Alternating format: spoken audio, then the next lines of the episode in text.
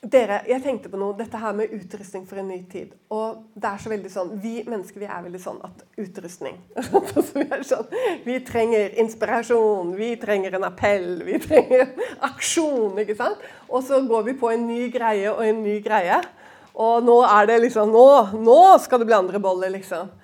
Men uh, det er uh, Jeg tror det blir litt annerledes denne helgen, for å være helt ærlig.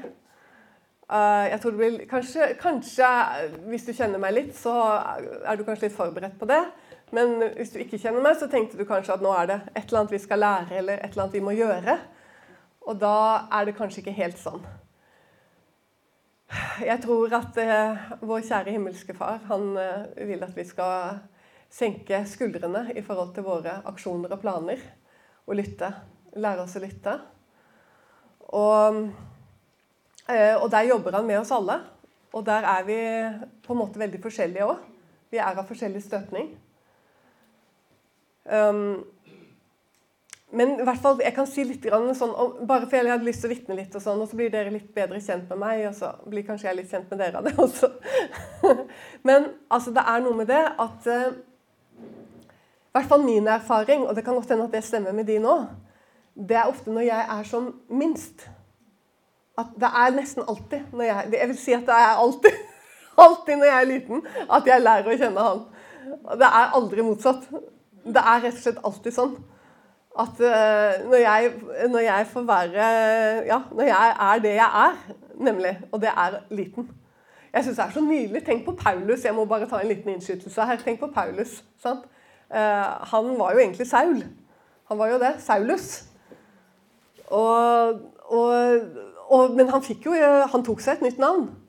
Og så diskuterer de det, vet du. For det er noen som mener at eh, eh, jøder som eh, eh var liksom Ja, av litt sånn eh, hva skal du si, høyere byrd, da, som Paulus var, og gresktalende og i det hele tatt, de hadde ofte også et gresk navn utenom sitt jødiske. Så er det noen som sier at det, Paulus var sikkert hans greske navn, og så ville han gjerne kalles for det greske. Jeg tror ikke det. Jeg, fordi at Hvis du kjenner Paulus, så skjønner du litt hva han driver med. For det første så skjønte han at hans kall etter hvert var til hedningene. Og, og, men det var ikke nok grunn til at han uh, akkurat valgte Paulus. Paulus betyr liten. Og det er så mye hos Paulus som løfter fram det å nettopp ikke være stor. Det var han som sa 'jeg regner det altfor skrap'. Sånn? Fordi det er så mye større. Sånn? Å kjenne ham og at alt dette her som han hadde, og som han kunne skryte av og legge fram, det regnet han som skrap. Og Det er fordi Paulus også lærte det, at uh, når Gud parkerte han, så fikk han virkelig oppleve hvem han er. Og det gjorde han jo om og om igjen med han. Og Sånn syns jeg også mitt uh, utallige vitnesbyrd. Og derfor var jeg så glad for den tiden i, i, jeg jobbet i misjon. Fordi at eh, Etter hvert så begynte jeg å reise ut, fordi jeg fikk ansvaret for å skrive for sånne store aksjoner vi hadde til nød- og katastrofeområder gjennom Korsets seier. Så det var ganske sånn tøffe steder du kom ut til. Altså det var sånn, sånne steder som du aldri hadde bestilt ferie, da, for å si det sånn, for å dra dit. Sånn type ja, Kongo, grensen til Tsjetsjenia, eh, tsjetsjenske flyktningleirer eh, Sibir altså på de, de, mest sånne, Og du ble bare så ubeskrivelig avhengig av Gud når du kom på sånne steder, fordi du taklet veldig ofte ikke situasjonen. Uh, det, var, det, var, ting som gjorde at det enten var skummelt, eller du kjente at her måtte du, du måtte bare be, du måtte bare holde deg tett på han hele tiden. For å kjenne at du, her har ikke jeg noe å komme med. på en måte. Men det var én ting jeg hadde lyst til å vitne om, og jeg ble liksom minnet om når jeg satt her. Og det var når jeg kom til, det er ganske mange år siden nå, men da ble det liksom bestemt gjennom Korsets seier misjon, og Misjonskontoret at jeg skulle reise til Sibir i forbindelse med at vi hadde blitt bedt om av svensk misjon at om vi kunne være med å hjelpe til hos et urfolk langt, langt inne i Sibir. Helt, faktisk helt inne i sentrum av Sibir. Så langt inne i Thailand som det går an å komme. Altså, jeg tenker at Du kommer nesten ikke lenger vekk fra folk var Der vi var, så var det liksom det var, det var rett og slett mange mil til neste sted det var mennesker, og på dette stedet var det veldig få mennesker. Og det var også et lite, bitte, bitte lite urfolk, som det, det, dessverre er bare 950 stykker igjen av dem. Men Svensk Misjon hadde jobbet mot dem ganske lenge og støttet dem. Uh, I hvert fall noen år, ikke lenge. Tre år. Og det var kommet noen russiske misjonærer dit. Men for å gjøre en lang historie kort altså Når du kom der først, så måtte du reise fra Moskva eh, nesten fem timer med fly rett øst. Så lander du der. Så måtte vi videre eh, oppover med et nytt, lite sånn her innenriksrussisk fly. propellfly hvor ja, altså det så Bare den flyturen med, med hjuloppheng med tau og eh, Du vil ikke tro det, simpelthen. Å lande liksom ute i en sånn rydda liten taiga-gresslette, og når du landet, så kom, så kom rett og slett huskyene og møtte flyet. Uh, det var ikke noen folk å se, men det kom masse hunder løpende og møtte flyet. Og, du, og ja, det var så mye rart som skjedde eh, den, eh, den, på den reisen her inne. Og, du, og, så måtte vi videre med, i fire timer med motorbåt oppover på en sånn flod. Og så kom vi til dette stedet, og det var bare helt utrolig å se alle disse eh, menneskene som hadde mistet hele landsbyen sin i en katastrofeflom. Og eh, russiske myndigheter hadde bare dumpa noen telt. Og så mye alkohol, fulle mennesker overalt. Eh, kalde eh, Dette var i september jeg kom inn der. De hadde levd i telt i flere måneder. De fleste hadde mistet husene sine. Det var vel kanskje, kanskje det var toppen, en tredjedel av husene som sto igjen. Alt var revet bort og ødelagt. Og så skal du komme der liksom, og tro at du hva, hva i alle dager skal du bidra med? Det var noe av den følelsen der sånn. Men samtidig også respekten for disse russiske misjonærene som hadde kommet der i 98 og bare så elendigheten. Fulle barn, fulle kvinner. En sånn ubeskrivelig nød. Du kunne nesten gjort hele den landsbyen til et evangeliesenter. Så ille var det. Og bare bestemte seg for at jeg drar ikke ned igjen. Og bare ble stayed put, disse russiske misjonærene, og bare begynte å jobbe der. Men å få komme inn der og bare tenke Og da fikk jeg sånn håpløshetsfølelse. Og jeg bare satt og gråt bak noen av husene der og bare sa til Gud at Gud hva, sant? Jeg visste at vi kunne i, i, en aksjon vi kunne noen ganger, Hvis det var Kongo, kunne vi samle inn en million. liksom. Hvis det var Kongo. Store, kjente felt. felt. Sibir var ikke engang vårt felt. Maks 250 000 eller noe sånt. Nå. Og her, liksom. Du bare så et hav av nød. Og jeg ble sånn, jeg tenkte Gud, hvorfor er jeg her? Og det er bare noen som har sendt meg hit. Og alle de tankene. Og følte meg bare så liten. Så kommer det et ord fra profeten Jeremia. Og det står i det 33. verset. Og jeg ble så minnet om å bare lese det. Eh, for det er akkurat det som vi bare trenger så veldig å lære. Og vi vet det jo, men det er bare det at vi glemmer det så fort. Eh, den totale avhengigheten av Gud. Og Herrens ord kom til Jeremia annen gang mens han ennå satt fengslet i vaktgården. Og det lød slik. Og jeg tipper han var eh, enda mer, kanskje. Eh, så hans situasjon umulighet, umulig ut. Men så sier Herren til ham, som gjør det han vil, står det i min 1930-oversettelse. Så sier Herren som gjør det han vil. Herren som uttenker det, får også fullføre det. Han hvis navn er Herren. Er ikke det veldig sterke ord? Og så kommer det 'Rop til meg, og jeg vil svare deg'. Det var dette skjønner du, som kom til meg der jeg satt. 'Rop til meg, og jeg vil svare deg'. Og jeg vil forkynne deg store og ufattelige ting. Ting som du ikke kjenner. Og det var det. Det var det som ble liksom helt sånn her får du et ord som kommer bare seilende på et sølvfat. Rop til meg. Og der sitter jeg der. Og det er Alt er umulig. Alt er liksom Alt virker bare helt fullstendig umulig. Og jeg vil forkynne deg store og ufattelige ting.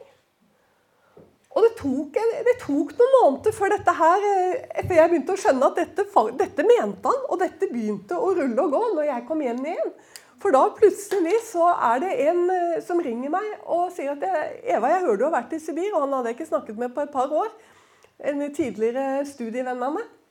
Og så sier han det at Du, eh, og så forteller jeg fra Sibir og hvor håpløst det var. og vi kunne bare, Det ble som å, hva skal du si, sånn som vi sier, Det er som musa pissa i havet, liksom, av hva vi kan bidra med. Ja, men Man må jo bare få snakke godt norsk. ikke sant? Altså, Det, det kjenner vi alle. Det, du, du, kan liksom ikke bidra med noe i en sånn situasjon. Det blir så lite.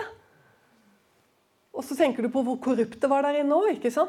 Og hvor fort det forsvinner i lommene på de som bestemmer. Og så begynner han, vet du, plutselig så sier han ja, men du, du, hvorfor tar du ikke kontakt med det, det var bare så morsomt. Hvorfor tar du ikke kontakt med barnebarnet til, eh, til Fridtjof Nansen? Eigil Nansen. Så sier jeg, hvorfor skal jeg ta kontakt med Eigil Nansen? Jeg kjenner deg ikke han. Jeg ble nesten irritert. Jeg kjenner deg ikke Eigil Nansen. Jeg. Ja, men det gjør jeg, sa han. Og nå skal jeg anbefale deg, sa han, at, for du skjønner, han, er, han har prøvd flere prosjekter i Sibir, og han har så hjerte for uh, for disse her urfolkene, akkurat som bestefaren sin. Og han kommer helt sikkert til, og da kan det hende at han kan hjelpe til med noe. Ja, tenkte jeg. Det skader jo ikke. Ja, her får du telefonnummer og sånn og sånn. Og jeg ringte til Eigil Nansen. jeg fortalte. Og da sa han bare møt meg på SAS-hotellet ta med deg kart og bilder om to uker. Så jeg kom der. Og, du, og da Han bare Dette, dette prosjektet vil jeg være med på. Så tenkte jeg ja, ja, hjelper det noe særlig at du vil være med på det? liksom? Jeg visste ikke at Norge funka på den måten, men sånn funker det altså. Fordi han hadde da, da har du, Når du er da barnebarn til Nansen, da, så plutselig så er det litt dører som er åpne for deg både her og der, og inn i UD. For å gjøre en lang historie kort Bare det ordet, hvordan Gud oppfylte det. Altså, Der fikk vi lov å være med og bygge opp 24 boliger. Fordi dørene inn til Utenriksdepartementet åpna seg. Og det er Gud som sa Rop til meg, og jeg skal forkynne deg store og ufattelige ting. Altså, Det er det, er det derre å få lov å legge ned ditt. Og det er kanskje akkurat når vi sitter og gråter og bare sier Gud, sant? Her, hva kan jeg gjøre her? Liksom, Hvorfor er jeg her i det hele tatt? Da er det at han plutselig så kan det være helt store og ufattelige ting, og du kunne aldri kommet på det. Og du kunne aldri hatt noe med det å gjøre. Jeg vil si det sånn, jeg har ikke hatt så mye som lillefingeren med på dette. her. Det var bare i ferdiglagte gjerninger hele veien. Hele veien! Og det er det, dere, at det er så viktig at det blir hans veier og hans måter. Og så det ordet som kom eh, til meg. Og da går vi til Jesaja sammen. Dette var andre var bare en innledning. Og mens du blar opp i Jesaja i det Det hadde vært veldig fint hvis jeg kunne sagt det mens jeg sto og helte i vann. Eh, I det 55. kapittel.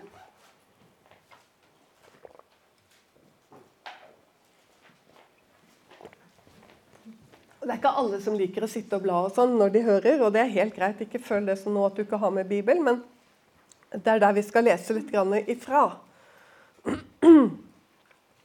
Og der står det jeg tror jeg leser fra sjette verset, for jeg syns det er så fint. Søk Herren mens han finnes. Kall på ham den stund han er nær. Den ugudelige forlater sin vei, og den urettferdige sine tanker og omvender seg til Herren. Så skal han forbarme seg over ham og til vår Gud. For han skal mangfoldig forlate. Og så kommer det. For mine tanker er ikke deres tanker. Og deres veier er ikke mine veier, sier Herren. Som himmelen er høyere enn jorden, slik er mine veier høyere enn deres veier. Og mine tanker høyere enn deres tanker. Jeg stopper der. Du, tenk deg det. Som himmelen er høyere enn jorden. Du har garantert, i hvert fall ikke garantert, men de aller fleste av dere har lest dette før. Men det er viktig at når vi leser Guds ord, at vi faktisk leser og tar til oss det som står her. For hvis hans tanker er som himmelen over jorden i forhold til våre tanker, og hvis hans veier også er det, så er så er det så veldig talende for oss. i forhold til vår avhengighet av å høre hva han, han sier. For du skjønner, veier betyr jo ikke først og fremst veier, men det betyr måter, metoder, strategier. Vi, det er et veldig, veldig hva skal du si, et uh, ord som kanskje blir litt voldsomt inn i denne sammenhengen. Men altså, liksom våre ideer og planer, det er én ting. Det er tankene våre. Det er våre ideer, våre planer, for det tenker vi ut. Det er tankene våre. sant? Ja, nå må vi liksom sant? Vi har lett for For det, ikke, vi mennesker vi er, har veldig lett for å stole på det som er oppi her, oppi tankene våre. Og det er jo vel og bra i mange sammenhenger. Men Bibelen er så snål, for noen ganger så sier den at du skal på en måte bruke din forstand. Mens i andre sammenhenger så sier den at du skal ikke stole på din forstand. Så det er denne dobbeltheten. Ja, vi trenger vår forstand i mange sammenhenger. Men i sammenhenger som har med ordet og han altså da, Hvor vi handler på en måte i hans hellige rom, i menigheten, i våre liv. Altså det som har med det åndelige livet vårt å gjøre. Så tror jeg nok for det meste at det handler om å være eh, ganske hva skal du si, tilbakeholdende. Tilbakeholdende til din forstand. Altså holde igjen. For du, vi har så mange eksempler i Bibelen på de som ikke er tilbakeholdende i forstand. Som kommer i veien for Gud, og til tider gjør skadeverk. I Guds menighet, om det var Israel den gangen eller i den nytestamentlige menigheten, at man rett og slett kan gjøre skadeverk ved at vi blir så sikre og vi er så raske, om ikke alltid vi er så sikre. Det er ikke sikkert vi alltid er, men vi kan være veldig raske til å sette i gang med ting. Og ikke minst liksom sånn i tider som eh, nå har vart ganske lenge, hvor det er ikke Vi kan ikke si det er vekkelsestider. Nå vet ikke jeg, jeg kan ta feil når det gjelder eh, Innvik og holdt på å si Utvik og det vet det er sånn, sånn, Men jeg regner med at det ikke er det, for da ville det jo sikkert vært helt fullstendig stappfullt her i kveld. Antakeligvis hadde de sittet i vinduskarmen omtrent. Ja, for sånn er det jo, for du blir jo en enorm hunger etter Guds ord når det blir en sann bibelsk vekkelse.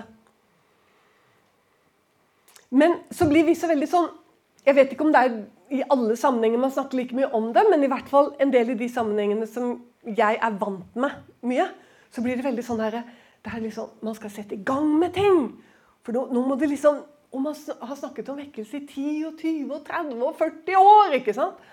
Og det er stadig nye metoder. Altså sånn, du har liksom metoden, Nå var det veldig det som var greia. Sånn? Og så var det det toget som kom. Og så var det det som kom. Og så dro det igjen, og så dro jammen meg det igjen òg. Og nå er det kommet inn noe, noe der. sant? Og det, alt dette her er eh, Eller kan i opphav ha vært ganske genuint og ekte. Men så kommer våre greier inn, fordi vi tror at vi må adoptere det derfra. For det vil også passe her i Innvik, hvis vi bare får det hit. Sant? Og da er du med en gang ute og sykler. For det er ikke sikkert fordi om det funka i Bergen, så er ikke det sikkert at det er det Gud har tenkt her. Han er ganske lokal, for å si det sånn. Og original. Det har det alltid vært. Så det er ikke sikkert at det som funka i Bergen, funker her. Fordi han vil alltid ha det nettopp originalt. Og sånn som han vil. sant? At det er han. At det, det må være født av han, simpelthen. Det nytter ikke å, å transportere noe derfra og hit. Fordi det må være født av han. Og når det er født av han, da skjønner du, da er det liv og vekst i det. Og da blir det sånn som det står litt lenger ned her. For Der står det nemlig For liksom regnet og sneen faller ned fra himmelen og ikke vender tilbake dit, men vanner jorden og får den til å bære og gro og gi såmannen sæd og den etende brød. Slik skal mitt ord være, som går ut av min munn. Det skal ikke vende tomt tilbake til meg, men det skal gjøre det jeg vil, og lykkelig utføre det som jeg har sendt det til. Og det er akkurat dette. Altså hans ord, vet du. Hans ord, en ting er, du kan sitte, du kan, ja, du kan fint bestemme deg for at i morgen skal jeg lese gjennom hele profeten Jesekel. Det, det må du gjerne gjøre. Og sånn bruker vi Guds ord også. Men så er også Guds ord veldig sånn Det kan være levende. Og det kan være noe han vil tale, minne om, blir viktig her. Og for denne tid og for dette sted. Det er det ord som er ånd og liv. Og det er det som er så spennende med det. Fordi Bibelen sammenligner ordet, hans ord, med såkorn. Og det var jo ikke noe nytt. Men tenk litt over dette såkornet. Hva det er for noe. Altså Her kan det ligge en skuff i årevis. Og det er fullstendig Hva skal jeg si? Altså Det er helt uinteressant. Fullstendig. Og du kan legge det ned på asfalten, og det er fortsatt like uinteressant. Men så svopp, så la du det ned i et tornekratt. Oi! Der begynte det å skje noe inni tornekrattet. Så er det noe som har begynt å vokse inni der, da. Hæ? Hvordan skal det gå med det, da? Men det har i hvert fall begynt å vokse. Altså, Så fort det finner et jordsmonn, så blir det som var dødt, levende. Det er jo det som er det mirakelaktige med Guds levende ord. Altså, der hvor det faller i et jordsmonn, så begynner det å skje noe. Det vender aldri tomt tilbake. Og det er liksom denne liksom At vi får øynene åpnet opp for disse fantastiske sannhetene som er hos Han. Og ingenting her hos oss. Vi er fullstendig avhengig av Han. Du vet det, det er liksom altså, Ulike konfesjoner og bevegelser har gjerne problemer på forskjellig sted. Men altså, jeg, har, jeg, var først syv år i statskirken. Og så eh, ble det sånn eh, Via en del eh, spennende veier så kom jeg inn i pinsebevegelsen. Og så har jeg på en måte liksom vært der. Samtidig som jeg har forkynt i alle mulige sammenhenger. Men det som du ser ofte var liksom greia der, da, det var dette her liksom enormt fokus på at du måtte være døpt i Den hellige ånd. Altså, Du fikk en sånn overfokus på det. Så i den, ikke at ikke det er viktig, men du fikk en sånn fokus på det med åndsdåp. Hør nå. Du fikk en sånn fokus på det at det ble en hvilepute. For liksom, Hadde du opplevd det, liksom, da, da var det jo greit. Du skjønner, alt som kan få oss bort ifra avhengigheten av Han hver dag, det er en irrgang i ditt sinn. Fordi at sannheten om oss er at vi er helt fullstendig avhengig av Han hver eneste dag. Har du merket det? Jeg vet ikke om noen potteplantere som, som blir fortere tørste enn sånne frelste potteplanter. Sånne som oss. Altså, Mine potteplanter de, når jeg har glemt dem en stund øh, Det går gjerne 14 dager før de begynner å For jeg har ikke så mange. Jeg har, har sånne som tåler litt, nemlig. Så, så, det, så, det, går 14 dager før de liksom henger med stavhasen. Men du forstår det, vi vi henger jo nesten etter en dag. Vi trenger Forstår du det? Altså det å, å forstå den avhengigheten. Og det har vi hørt før. Men da har vi ikke virkelig forstått det. Og det er det jeg håper Gud skal få hjelpe oss med denne helgen. Å virkelig forstå. Og så kom det en tekst til meg i går morges. Og jeg må bare si at jeg har aldri noensinne talt over denne teksten noen gang. Og vi finner den. Vi finner den. Og da må vi gå til andre kongebok. Og jeg har nok hørt noen, og gjerne av de litt eldre høvdingene i pinsebevegelsen, tale over noe sånt som dette her. For de likte gjerne å tale over ting som de kunne bruke helt Altså hvor man liksom bruker allegori, på en måte. Man leser en tekst, og så taler man om noe helt annet. Skjønner du? liksom. Og det er lov, det, altså. Men det er det. Det kan helt greit være det. Du kan liksom overføre en historisk hendelse til en åndelig sannhet. Du må gjerne gjøre det. Men jeg gjør det ikke så ofte, fordi vi er forskjellige. Men du, jeg må bare si at i går morges så kom denne teksten eh, til meg, og med holdt på å si frykt og beven, så, så skal, skal, jeg få lov å lese eh, bare noen vers her sånn. Og det er om en kvinne som var hustru til en av profetenes disipler. Og hun hadde kommet i skikkelig nød. Alvorlig nød. Og hun roper til Elisa. Og så sier hun Din tjener, min mann er død. Og du vet at din tjener fryktet, frykter, fryktet Herren. Og nå kommer en som, i, som han sto i gjeld til. Og han vil ta begge mine sønner til treller. Elisa sa til henne, 'Hva kan jeg gjøre for deg?'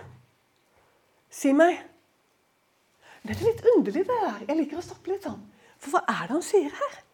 Hva kan jeg gjøre for deg? Du vet, Noen ganger så tenker vi at det sier Du vet, Jesus sa det. Hva vil du, sant? Liksom, hva vil du jeg skal gjøre for deg? Men det er ikke helt sånn spørsmålet kommer her. Hva kan jeg gjøre for deg? Altså, Det er akkurat som han spør seg selv litt. Hva kan jeg gjøre for deg? Men så sier han, si meg, hva har du i huset? Hun svarte, din tjenerinne har intet annet i huset enn en krukke med salveolje. Tenk deg det. Hun har ingenting annet enn en krukke med salveolje. Da sa han, gå til alle dine naboer og be om å, få låne hjem noen tomme kar, bare ikke for få. Gå så inn og lukk døren etter deg og dine sønner, og hell oljen i alle karene. Og etter hvert som de blir fulle, skal du sette dem bort. Og hun gikk fra ham og lukket døren etter seg og sine sønner. De bar karene frem til henne, og hun helte i. Og da karene var fulle, sa hun til sin sønn, bær enda et kar fram til meg. Men jeg syns jeg ser det for meg. ikke sant? Hun må ha fler. Jeg trenger fler kar. Men han svarte, det er ikke flere kar. Da stanset oljen. Og de gangene jeg har hørt, og det er kanskje bare én gang, at jeg har hørt noen tale over dette her, og da mener jeg at det var veldig fokus på oljen. Men det var ikke det Gud talte til meg om i går morges. Det var ikke det jeg så, liksom, jeg, fordi jeg ba. Og så, kom, sant, så ble jeg minnet om denne teksten, og da var det ikke oljen. Men det var de tomme karene. Og det var det. Og jeg tror det er det simpelthen som ble viktig. Det det, for du skjønner det at vi, det er dette Vi kommer tilbake til Jesaja 55 igjen. Det er dette at vi er så full og vi, av våre tanker og meninger om alt mulig. Og du vet at det, Hvis vi bare ser på historien her så skjønner, Dette er jo også så typisk Gud. Det er jo en totalt umulig situasjon for henne. Hun har en krukke med salveolje. That's it! Stopp! Hun har ikke noe mer. Og så har hun en kreditor som skal ta sønnene hennes til slaver. Det er det hun har. Og da kunne du jo begynt å snakke om oljen og salg og liksom, viktigheten av det. og Det er veldig sånn pinsetale med en gang. Men det er ikke der jeg er. Men det var denne, det var det at det måtte være tomme kar, sa han. Gå og hent kar. Gå og hent tomme kar. Og, og bare ikke for få. Og så står det at så lenge det var tomme kar, så rant oljen. Og, var, og jeg tror ikke det bare var det her, skjønner du. Men jeg tror dette er egentlig nesten litt sånn status for Gud. Hvordan han kan hjelpe oss som kristenhet i vår tid. At disse karene var slik jeg så det. De er så fylt opp med, med våre greier. Våre, enten om det er våre tradisjoner, våre meninger, sånn som vi alltid har gjort det. Det kan være det ene. Eller det kan være vår stolthet, vår, at det blir vanskelig på en måte å snu på ting. Ja. Men også dere Hør nå. det at vi ikke skjønner at vi er tomme kar. At vi ikke for det, Hadde vi virkelig skjønt det, vår avhengighet av Gud, så hadde det ikke vært noe problem. Det er sånn som jeg har sagt noen ganger, at synden er ikke problemet. Synden er virkelig ikke problemet. Eller din kanskje ikke direkte synd, men din adspredthet, lysten til alt det, til de andre ting, som det står. Altså alt det som tar fra oss da, og fyller oss så vi ikke er tomme kar. Alt dette som vi har, og som vi driver med. Sant? Det er ikke problemet. Det som er problemet, er om vi ser. Om vi ser Herregud alt dette andre som jeg er fylt med, når jeg er et tomt kar. Helt fullstendig avhengig av deg. Og det var, jeg, jeg, må nesten si det sånn, at i går så var det som om, om, som om han simpelthen bare viste meg For jeg, sånn, jeg, fikk nemlig en sånn tanke forut at hvorfor stopper egentlig vekkelser Gud? For det har jo vært vekkelser i tidligere tider. Hvorfor stoppet det? Og det var som et svar på det at Gud sa at det ble ikke stilt fra Altså, det var ikke flere tomme kar. Derfor stoppet det. Og det er der Gud jobber med oss i denne tid. Og det er den beste utrustningen han kan gi oss.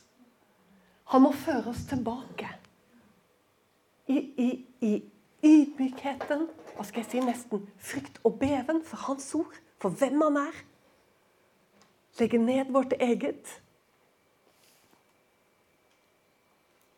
Men når du er et tomt kar, da er det et ganske voldsomt behov etter Gud. Og du vet at det kan bare Gud gjøre. Det må han hjelpe oss med. Men det er der problemet sitter. Simpelthen. La oss gå en liten tur til et sted jeg har vært flere ganger i det siste. Og det er at jeg har tatt med forsamlinger inn i synagogen i Nasaret. Og det har jeg gjort bokstavelig også. Men det kan vi ikke gjøre her i Innvik, men vi kan gå dit i teksten.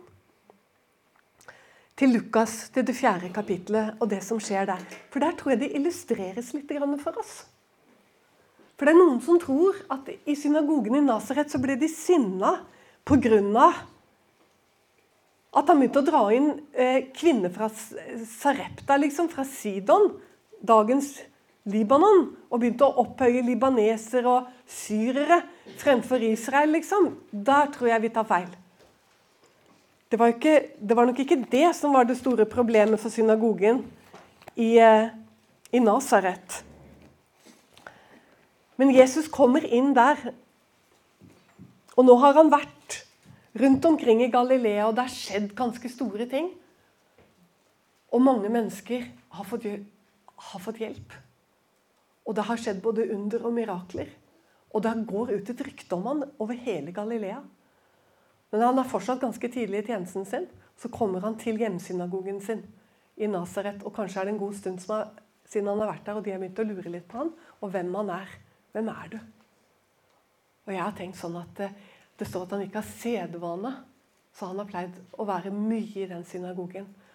Og da, og da må jeg bare si at da må de garantert ha lurt på han før.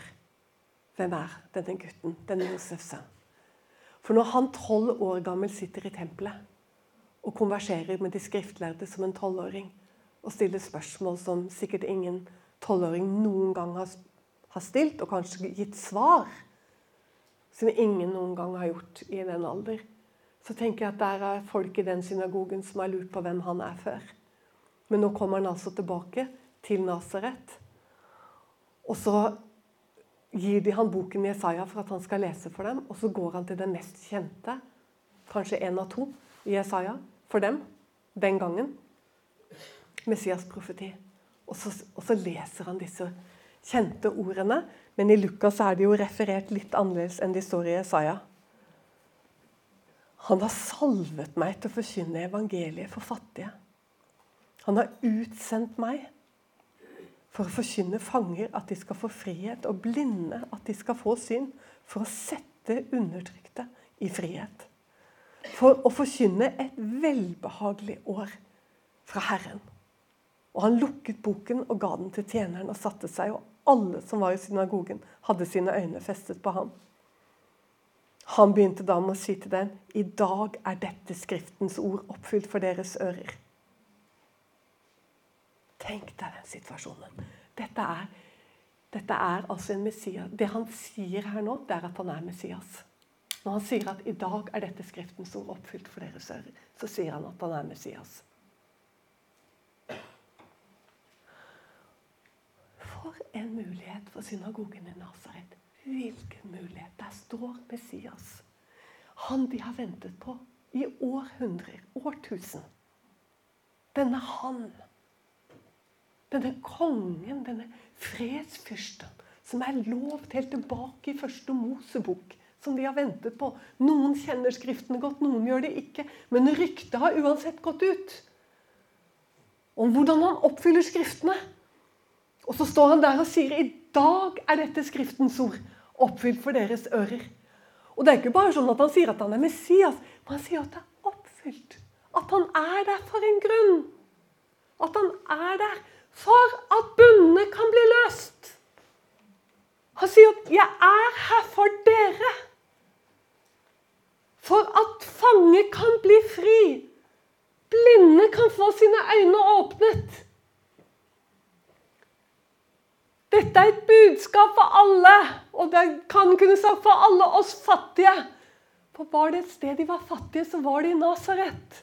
Så også Sånn burde jo være enkelt for dem å ta imot, i hvert fall. At det var til oss. For er det noe vi er her i Nasaret, i hvert fall de aller fleste, det er fattige og utstøtte. Så, så, det burde jo ikke være så vanskelig. Men så sier han også om at de som er blinde, skal få syn. Og dette har jo skjedd før. Og i andre tekster vi har i evangeliet, at det er så vanskelig sant? å skjønne at man er blind. At man trenger hjelp. Det er hele tiden den der stoltheten vår sant? som gjør at det blir så vanskelig med Jesus. Fordi han kommer sånn under huden. Og så går de jo helt glipp av ham i Nasaret. De blir sinna. Og i stedet så begynner de, ja. De skal ha et tegn. De skal ha et tegn. Og det er ikke bare her de skal ha tegn. Han som er tegnet og er der for dem. Så skal de, plutselig så sitter de der og spør etter litt mer. Vi skal ha noen trylletriks. Det er det de vil ha. Og da kommer Jesus med de litt tøffe ordene. Så sier han det at Hva sa han for noe? Det var mange enker i Israel på profeten Elias' tid. Han ble ikke sendt til noen av dem uten en enke i Sarepta. Tenk deg det, da. Tenk deg å gå inn i synagogen og si det. Altså, det var jo ikke sånn at han ikke brydde seg om enkene i Israel. Det var ikke sånn at Gud ikke brydde seg om enkene i Israel. At det ikke skjedde noe i Israel. Det var jo ikke det. Hvorfor ble han bare sendt til en kvinne i Sarepta? Det står i Matteus evangeliet, det 13. kapittel. Jeg mener det er der, for der står akkurat samme historien referert. Og Der står det at Jesus når han gikk derfra, så kunne, hadde sagt, han kunne ikke gjøre noe i synagogen i Nasaret. Mangel på tro. Må Gud hjelpe oss. Må Gud hjelpe oss. Du skjønner det? Hva var som var troen her, da? Var det liksom det at det, liksom, det var så vanskelig å tro at han var Jesus? Det var nok litt sånn anstøtelig med Josef og hele familien og alt sammen. Men jeg tror ikke det var det verste. Det var dette her, at han står og sier at bundene kan bli løst. Bundne? Og, og, og fanger kan bli fri. Og det var mange av dem i Nasaret i synagogen.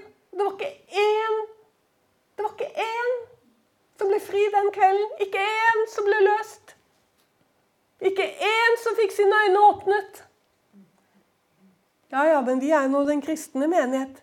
Ja, men kjære Gud, se åssen Jesus taler til sin kristne menighet i Johannes' åpenbaring. I fem av syv menigheter. Det var en tøffere enn det som kommer her. Simpelthen, dere. Jeg skal ikke gå mer plagsom på klingen, liksom. Men simpelthen dette med Vi står mange ganger sånn i veien for oss selv. Så Gud er jo i går og i dag den samme. Ja, til evig tid. Han er her. Han er den samme. Men vi er så full av så mange ting og så mye. Men han må ha tomme kar. Akkurat som at for at oljen skulle flyte der bokstavelig For dette skjedde bokstavelig.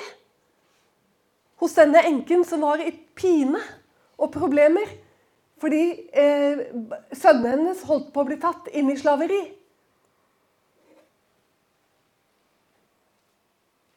Like sånt er det at det stopper opp. Du skjønner, Man, man, man tror liksom at vekkelse det er noe som kommer. liksom. Kommer. Man kan selv lure på hva tror vi? At det kommer, at det kommer et slags værsystem som kommer? Nå tuller jeg litt. Jeg bare tøyser. Men altså, det handler jo ikke om det i det hele tatt. Det handler om tomme kar. Og når det er simpelthen Altså, det kunne ikke vært enklere. Derfor det blir tomme kar. Og hvis det blir mange nok av dem, så er det vekkelse i Innvik. Men det er det å komme der. Det er det å komme der. Og det er litt forskjellige svar hos oss alle sammen. Det er litt forskjellige svar på det. Men karet må være tomt. Karet må være tomt. For at Gud skal få lov å komme med sine tanker. Få lov til å komme med sitt ord, det som ikke vender tilbake. Men som utfører det det sender det til. Og at det faktisk får lov å falle i god jord. Hører du det? Og i denne sammenheng så er god jord det er tomme kar. Og det kan være ganske mye nød inni noe sånt noe. Men har du noen gang lest om en vekkelse som ikke ble født gjennom nød? Og til tider stor nød? Jeg har aldri hørt om det. For nød driver oss inn i bønn. Og jeg tenker på det, Denne historien er jo den er jo ikke den er ikke skrevet for at vi skal lese den åndelig. Nei, den er helt sann sånn som den står. Men det er jo utrolig at alle disse karene hun sleper med seg og får beskjed om å gå inn, inn på et rom. Hvorfor måtte hun gå inn, inn, på rommet sitt? Og hvorfor skulle hun lukke døren bak seg? Men det er akkurat dette når Gud handler. Hvor vi kunne skjønne det hvor ofte han handler der i det private lønnkammeret. Og hvor mange vekkelser opp gjennom århundrene i England, i USA, i Norge, i, i, i, Tyskland eller Nederland har begynt der.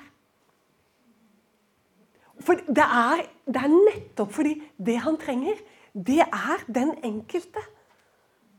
Og hver av våre tomme kar som er, i, er kommet i nød, og som kjenner sin Gud, den levende Gud, og han får lov å begynne å fylle det karet, da er det rett og slett ingen begrensninger for hva som kan skje.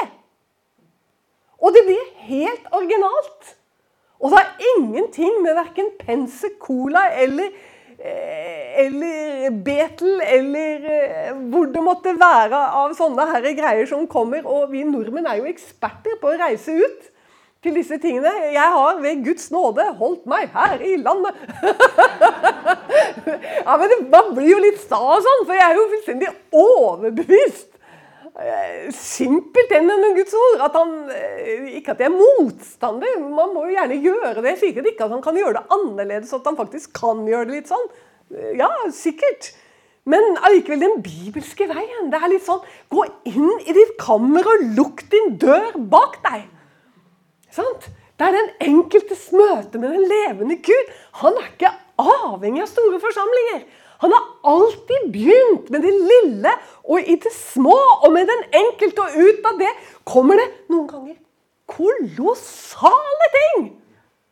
Altså, så det begynte liksom, Hvor begynte det egentlig? Sånn? Det er sånn. Det var så lite at du knapt Det er sånn, sånn for Gud, Messias, er foruttalt i Bibelen som spire! Det er så typisk Gud. Du bitte liksom. sånn. Kongeriket. Men det er bare at vi har så vanskelig for å tenke sånn. Til å forstå at den lille spiren han har plantet inni her sånn, Den er liksom en sånn bitte liten surdeig som kan legges i en Og den syner alt. Forstår du? Den lille greia inni deg. Guds rike inni deg. Så Istedenfor å begynne å se hva andre gjør, og det må vi gjøre sånn Og nå er det så kult å ligge på madrasser i menigheten, og nå er det så kult å falle og le og Man får for seg masse sånn snåle greier. da. Så skal man gjøre sånn som alle andre gjør. Søk Gud i ditt langkammer. Han er levende. Sånn? Han vil møte deg. Han vil bruke Han ser er det noe tomt kar jeg kan bruke. Han bryr seg ikke noe som helst om hvem du er og din stand eller noen ting. Er det en der? Sant? Er du 80 eller 40, da? Ingen betydning! Og han velger ofte sånne merkelige plasser, sånn som Nasaret. Nasaret? Kan det komme noe godt fra Nasaret? Forstår du? Eller Vrådal, ikke sant? Har du hørt om Det er så typisk Gud. da. Liksom, skal vekkelse, så skal bare begynne å koke over hele Telemark og langt utover Telemark, ned i Agder og greier. ikke sant? Jeg tror jeg begynner i Vrådal. Hvorfor det? Jo, for det var en tomt kar i Vrådal. Det var, det var en som skjønte hvem hun var. Liksom ikke sånn hvor svær hun er. Det er det vi lærer nå. Du må se hvor svær du er i Gud. liksom. Må se hvor svær du er. liksom sånn. At du er et kongebarn. Du kan ha så veldig fokus på de greiene der. Ha heller fokus på du, hvem han er, hvor rik han er. Og at han elsker å fylle sånne tomme kar.